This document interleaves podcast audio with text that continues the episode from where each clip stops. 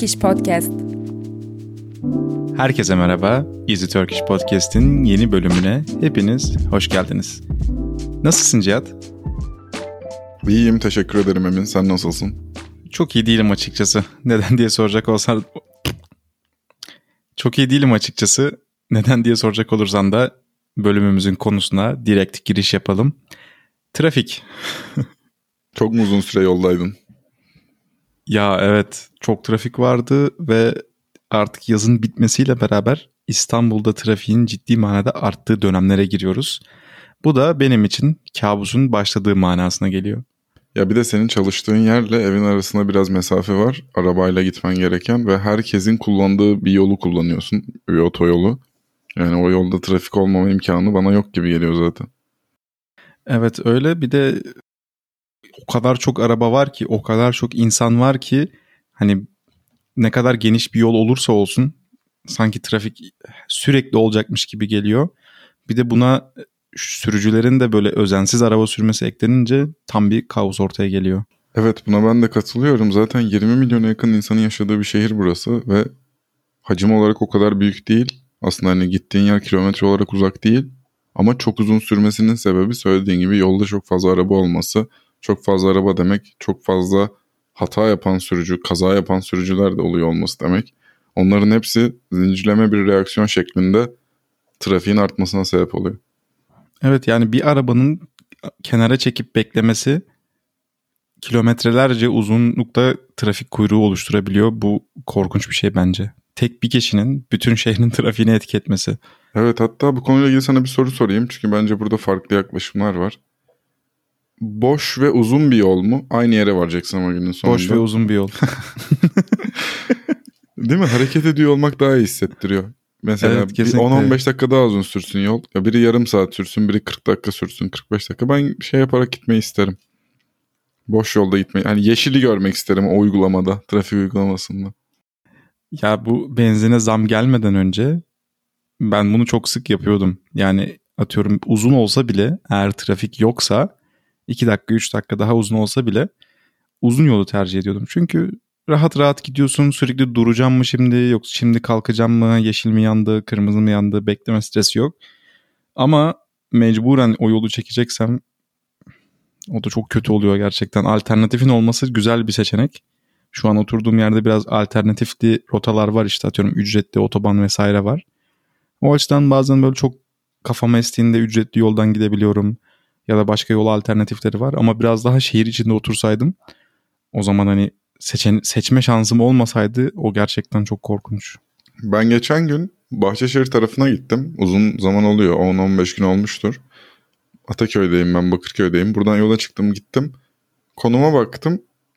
Daha boş diye yan yol gibi bir şey gösteriyordu bana buradan. Hı hı. Çıktım yola gidiyorum. Yanımda otoyol var. İnsanlar otoyoldan gidiyor. Hafif trafik var ama orada. Ben hiç otoyol olmayan bir yoldan ışıklar vardı sadece önümde engel olarak. Bazılarında durup bazılarına geçerek hızlı bir şekilde gittim görece. Daha hızlı bir şekilde gittim. Sonra kendi kendime şey düşündüm ama. Hani uygulamadan kafamı kaldırıp etrafa baktığım zaman ya ben neredeyim ve nereye gidiyorum? Otoyolun da öyle bir şey hissi var yani. Herkesle beraber aynı yöne gidiyorsun da o yan yol var ya otoyol yan yolu. O çok garip bir histi yani o gün. Bir kafamı kaldırdım Allah'ım diyorum ben ne yapıyorum? Sürekli bir S şeklinde viraja girip çıkıyorum. Seninle şu an oturduğun yere doğru bir yolculuk yapmıştık daha önce. Oralardan geçtiğimi hissettim. Çok benziyordu yollar falan. Çok ilginç bir tecrübeydi. Sırf trafik yok diye aralarında 5 dakika var yani. Biri 30 dakika biri 35 dakika gibi düşün. Boş olandan gideyim diye gittim. Yolun ortasında dedim ki ben ne yapıyorum? İnsan yok etrafta. Bir adet insan evladı yok. Ya bu navigasyon uygulamaları artık nasıl bir çalışma yapıyorlarsa inanılmaz rotalar çıkarabiliyorlar. Bazen takip etmemek gerekiyor. Özellikle bilmediğiniz bir şehirdeyseniz hani otoban, otobandan, otoyoldan gitmek her zaman çok daha sağlıklı. Ama yani İstanbul'da işte 3 dakikanın 5 dakikanın önemi çok büyük olduğu için ben de giriyorum o senin dediğin gibi öyle ara sokaklara falan. Ya ben şey düşünüyorum açıkçası ya bazen. Bir yere arabayla gideceğime arabayı toplu taşımaya kadar götürüp toplu taşımayla gitmek bazen özellikle metro varsa bence çok daha mantıklı. Çok yapıyorum ben de. Özellikle Eminönü, Sirkeci falan gibi yerlere giderken Arabayı işte Marmara'ya bırakıyorum. Marmara'nın otoparkına bırakıyorum. Oradan biniyorum. Rahat rahat gidiyorum. Arabayla da gidişim rahat oluyor. Tamam daha uzun oluyor. Daha belki arabayla dışarı çıkmanın mantığını öldüren bir davranış şekli ama sonuçta İstanbul'da yaşadığımız için buranın gerçeklerine ayak uydurmamız gerekiyor. Ve bence şuna yani trafik durumuna ek olarak şöyle bir gerçek var. Arabayı koyacak yer bulmak da çok zor zaten. Gittiğin yerlerde. Özellikle merkezi bir yere gidiyorsan. Aynen onu diyecektim. Evet yani İstanbul'un şartlarına göre hareket etmek gerekiyor. Yoksa dehşet sürelerde trafikte kalabilirsiniz. Kesinlikle. Bir de öngörebileceğim bir şey değil. Biraz bilmiyorsan trafiğin ne yöne akacağını, hangi saatte ne olacağını çok çok çok daha zor oluyor açıkçası. Evet, mesela iş çıkış saatinde navigasyon uygulaması bana eve varacağım saati atıyorum 40 dakika söylüyorsa ben diyorum ki kendi kendime tamam yani en az 50 dakika, en az 55 dakika. Hani o sapma oranını kafamda artık oturttum. O yüzden benim için gerçekçi oluyor artık. İlk bölümde de konuştuğumuz bir konuyu anımsadım şu an böyle söyleyince. 40 dakika, 45 dakika yol gitmeyi nasıl normalleştirdik biz? Kısa falan geldi bana söylediğin süre mesela. Evet aynen öyle. 40 dakika çok da uzun gelmedi ben söyleyince. ya 40 dakika dediğin sürede şehirler arası yolda 60 kilometre minimum yaparsın. Minimum diyorum. 90 kilometre hızda falan gittiğini varsaysam. Ve biz burada böyle 15 kilometre falan gidiyoruz bazen bu sürede. Aynen öyle. Duruyorsun, dur kalk yapıyorsun. Ve sinirler de çok bozuk. Yani İstanbul'da eğer trafikte bulunmamış arkadaşlar varsa dinleyenler İstanbul'da herkes trafikte çok gergindir. Böyle bir gerginlik olamaz yani. Şunu söylemek istiyorum. İnsanlar arabaya bindikleri hali, şoför oldukları hali ve olmadıkları hali olarak ikiye ayrılıyorlar.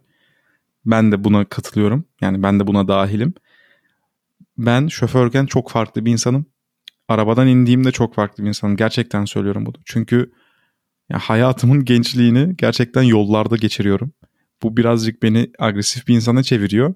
Hadi şey yapmıyorum. O trafik magandalığını yapmıyorum ama işte çok seri kullanıyorum.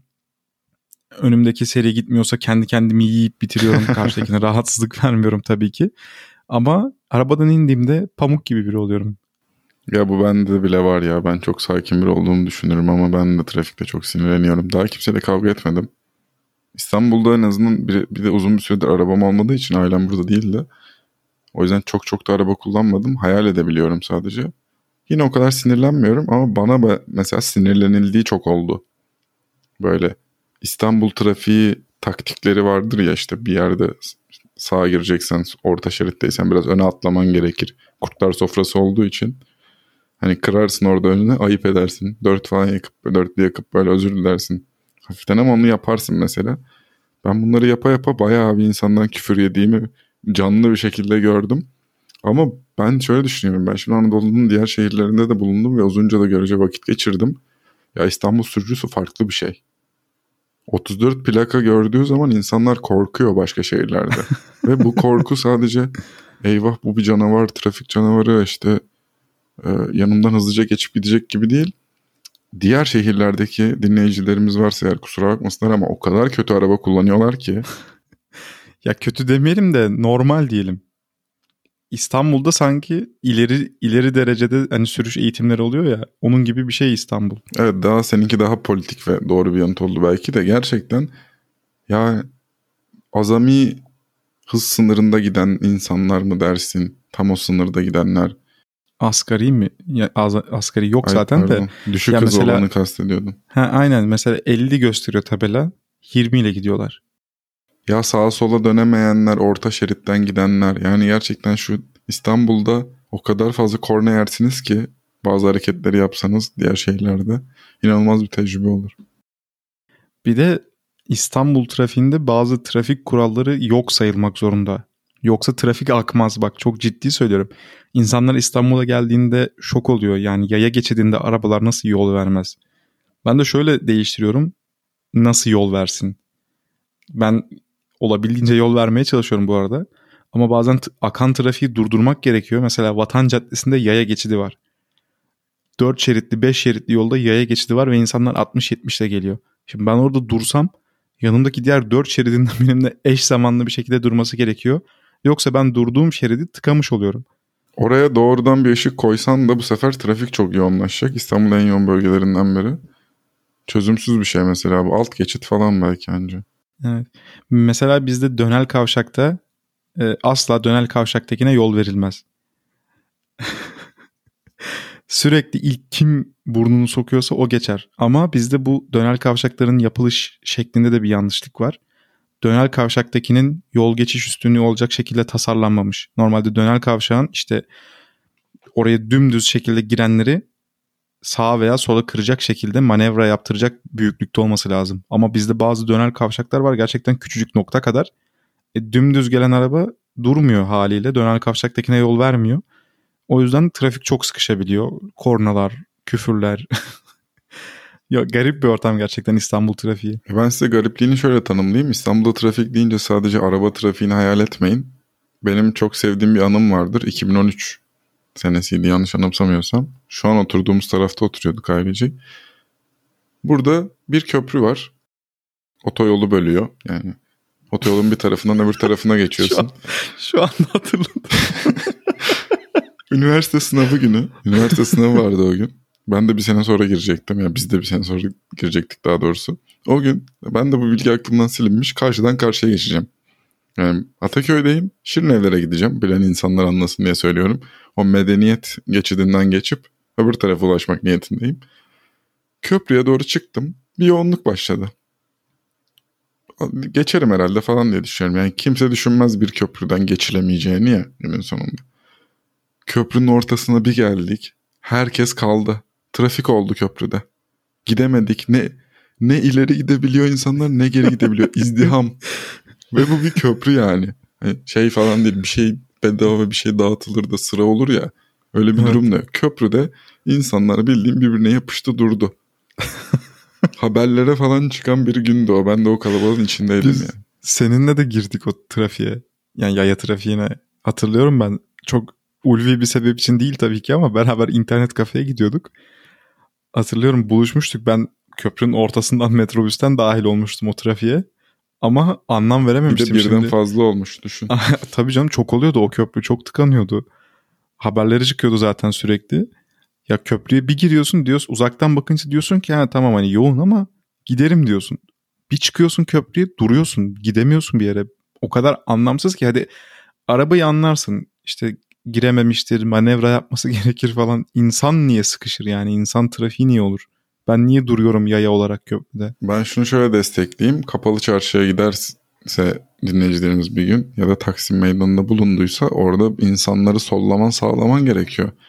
Yani normal bir yürüyüş temposunda yürümüyor kimse. Ben bir yerden bir yere gidecekken ben bir de yavaş yürümeyi çok sevmem. Öyle bir huyum vardır. Eğer çok böyle parkta bahçede dolaşmıyorsam varacağım yere hızlıca varmak isterim. Hızlı adımlarla yürürüm. Allah'ım birinin solundan geç birinin sağından geç. Hani sıfır falan apex falan yapıyorum böyle yanlarından dolaşıyorum. Formula 1 sürücüleri gibi. İnsan çalımlayarak devam etmen de gerekebiliyor. O yüzden İstanbul'da trafik sadece arabalardan ibaret değil. Yayalar da trafiğe sebep olabiliyor. Bazen bunun sebebi ben de oluyorumdur tabii ki. Özellikle karşıdan karşıya geçerken ben benim de acelem var çünkü ben de bir an önce geçmek istiyorum ki bu yanlış bir davranış. İstanbul'da herkesin çok acelesi var. O yüzden herkes ulaşacağı yere bir an önce ulaşmak istiyor. Ve kimse frene basmak istemiyor. Tek sorunu bu olarak görüyorum. Sonsuz bencillik döngüsü de ebedi bir trafiğe sebep oluyor. bir deyim gibi atasözü gibi öyle. Evet bunu yaz bir köşeye. Peki o zaman şu soruyu sorayım bu konuyu bitirelim. Şu ana kadar ki en kötü trafik anın. Benim çok net aklıma gelen bir olay var bir sene önce yaşadığım. Aklına gelen bir şey varsa anlat yoksa ben anlatayım. Ben şöyle hatırlıyorum. Fatih tarafından eve doğru gelirken 2014 ya da 2015 kimle beraber yolda olduğumu bile hatırlamıyorum. Arkadaşlarım vardı hatırlıyorum. Saatlerce yolda kalmıştık. Her taraf tıkalıydı. Şerit bile değiştirilemiyordu. İnsanlar arabadan inip biraz ferahlayıp geri biniyorlardı arabaya. Hareket edemiyorduk yani. Öyle bir anı var benim zihnimde. Yani o kadar uzun zamandır ziyaret etmiyorum ki bu anıyı kimle olduğumu unutmuşum. Neden bu soruya böyle biraz belirsiz bir yanıt veriyorum? Benim uzun zamandır hayatımda trafik yok. Bulunduğum konumdan ötürü ben Sarıyer'deyken trafik benim hayatımın çok önemli bir parçası değildi. Çünkü kasabada yaşadığım için günün sonunda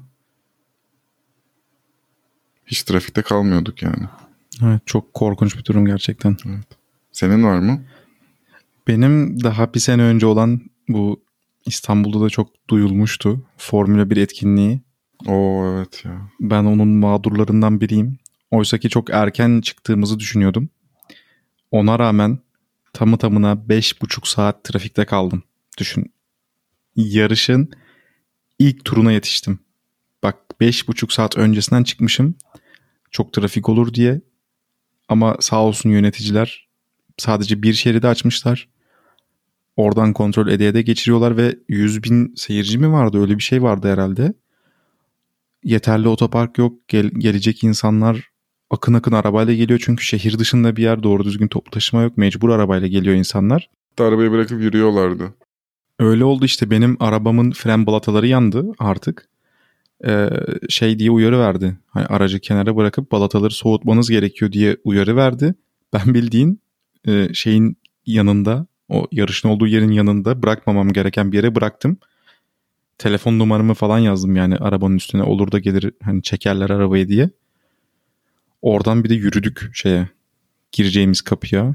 Çok korkunçtu gerçekten. Ya ve insanın sinirleri gerçekten çok bozuluyor işte. Yani sadece 5,5 saat değil orada geçen. Mental olarak çok yorucu bir şey o. Trafikte bekleyen. Çünkü çaresizsin. Arabayı ne yapacaksın yani? yani alıp kenara koyamazsın. Hadi bırakabilmişsiniz de. Evet hani çaresiz bir durum olabiliyor bazen. Allah'tan arabayı bırakabileceğimiz bir yerde araba sıkıntı çıkardı. Öyle bir yerde olmasa tek şerit akan yerde bıraktığını düşünsene korkunç gerçekten. Evet bu araba bırakıp gitme olayı senin bir kere daha başına gelmişti ya karlı bir günde. Senin evet hayatında böyle bir durum var yani. Trafik kaynaklı değil de biraz doğal afet kaynaklı diyebiliriz. Bu geçen kış kar yağdığında dehşet bir kar bastırdı, yollar kapandı, insanlar hazırlıksızdı. Yolda kalan arabalar yüzünden yollar tıkandı, kar çok hızlı bastırdı. Tamamen yollar kapandı. Ben de mecbur arabamı bırakıp yürümüştüm. İnsanlar dinleyicilerimiz seni otobüs şoförü zannedebilir ya da servis şoförü falan. Aynen. evet böyle biraz içimizi döktük gibi oldu ama güzel oldu bence. Evet düşünürken bile beni biraz rahatsız eden darlayan bir konsept ama o yüzden ben geceleri hareket etmeyi daha çok seviyorum. Trafik bittikten sonra her yere giderim. İstanbul'un tadı gerçekten gece çıkıyor arabayla. Favori zamanımı da söyleyeyim. Haftanın favori saatleri benim için pazar sabahları. Pazar sabahı İstanbul'da Avrupa yakasının ucundan Anadolu yakasının en ucuna gidebilirsiniz çok kısa bir sürede. Kimse olmuyor yolda. Ben de şöyle diyeyim o zaman bayramların ilk günü, ikinci günü İstanbul inanılmaz boş oluyor. O da çok güzel oluyor. Doğru. Şimdi gerçekten söylediğin gibi hem bayramlar hem tatil dönüş falan olması sebebiyle şimdi gerçekten İstanbul tekrar kalabalıklaşıyor. Şehre dönüş durum başlar. Eylül'de daha kötü olur bu arada. Evet yavaş yavaş zaten gün be gün hissediyoruz farkı. Yapacak bir şey yok. Sağlık olsun artık. Sağlık olsun. O zaman bir sonraki bölüme geçebiliriz.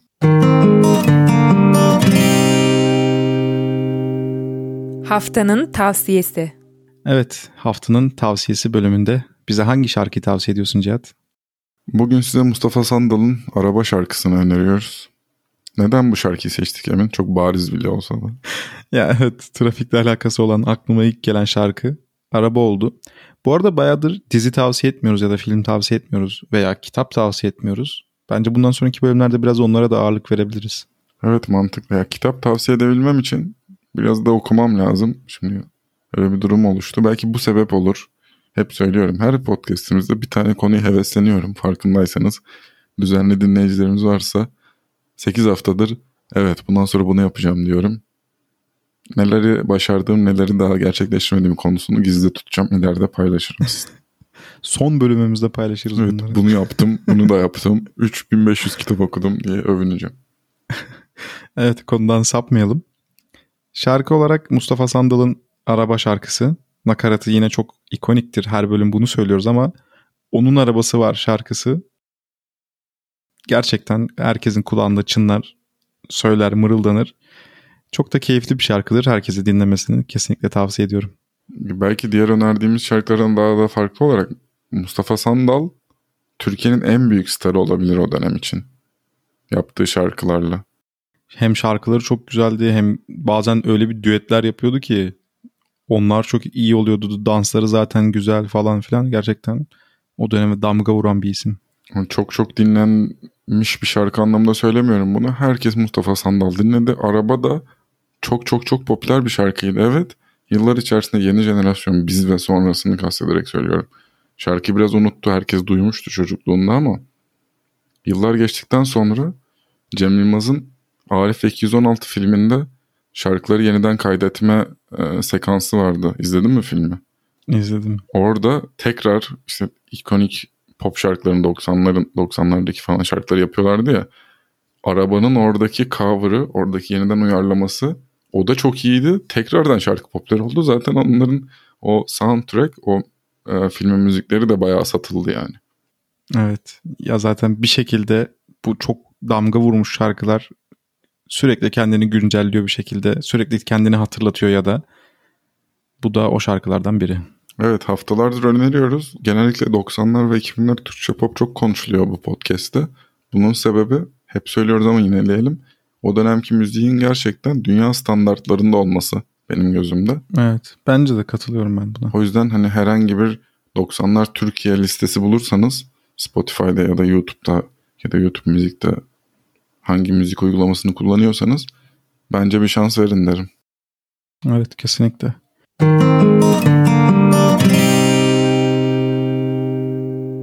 Haftanın deyimi.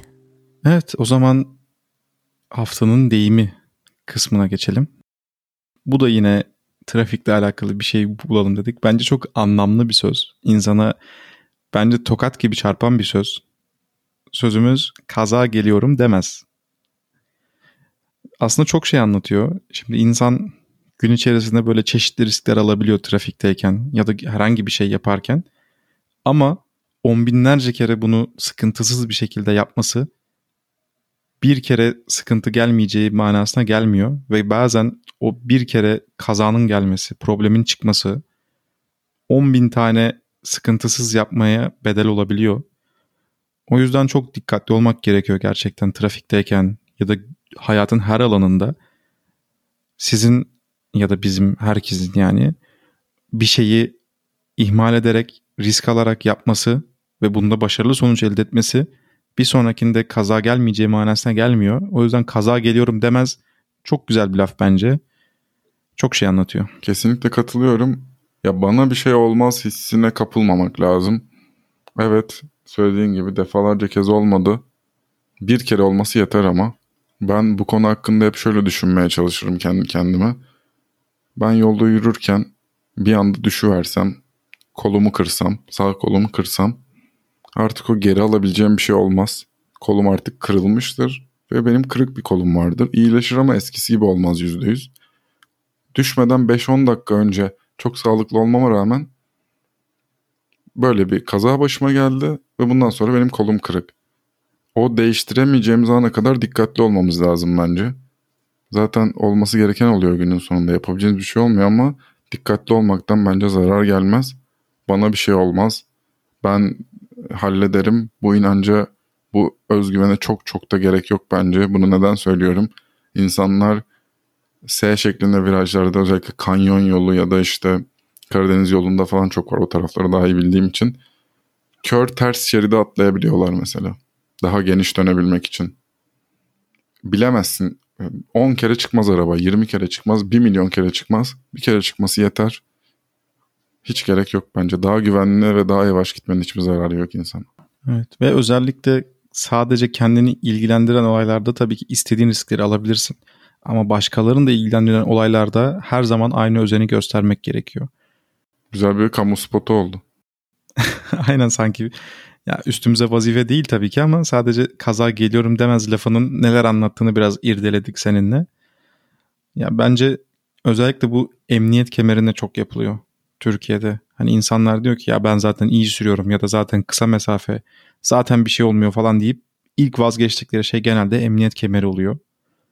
Ama gerçekten kaza geliyorum demiyor. Nasıl olacağını bilemezsiniz. Siz %100 muhteşem bir şekilde araba sürseniz de önlem alsanız da başınıza başkaları yüzünden bir şey gelebilir.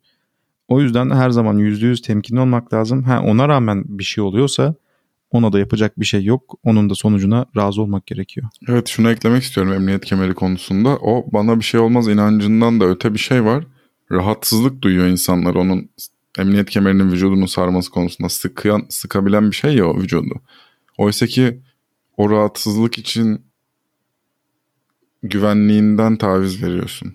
Yani aynen öyle. Ya bu o değerlendirmeyi daha doğru yapabilmek lazım bence. Evet. Hak veriyorum sana. Evet. Bugünlük konuşacaklarımız bu kadar. Geri dönüşlerinizi, sorularınızı bekliyoruz. Haftaya görüşmek üzere. Evet. Bir sonraki bölümde görüşürüz. Hoşçakalın. Hoşçakalın.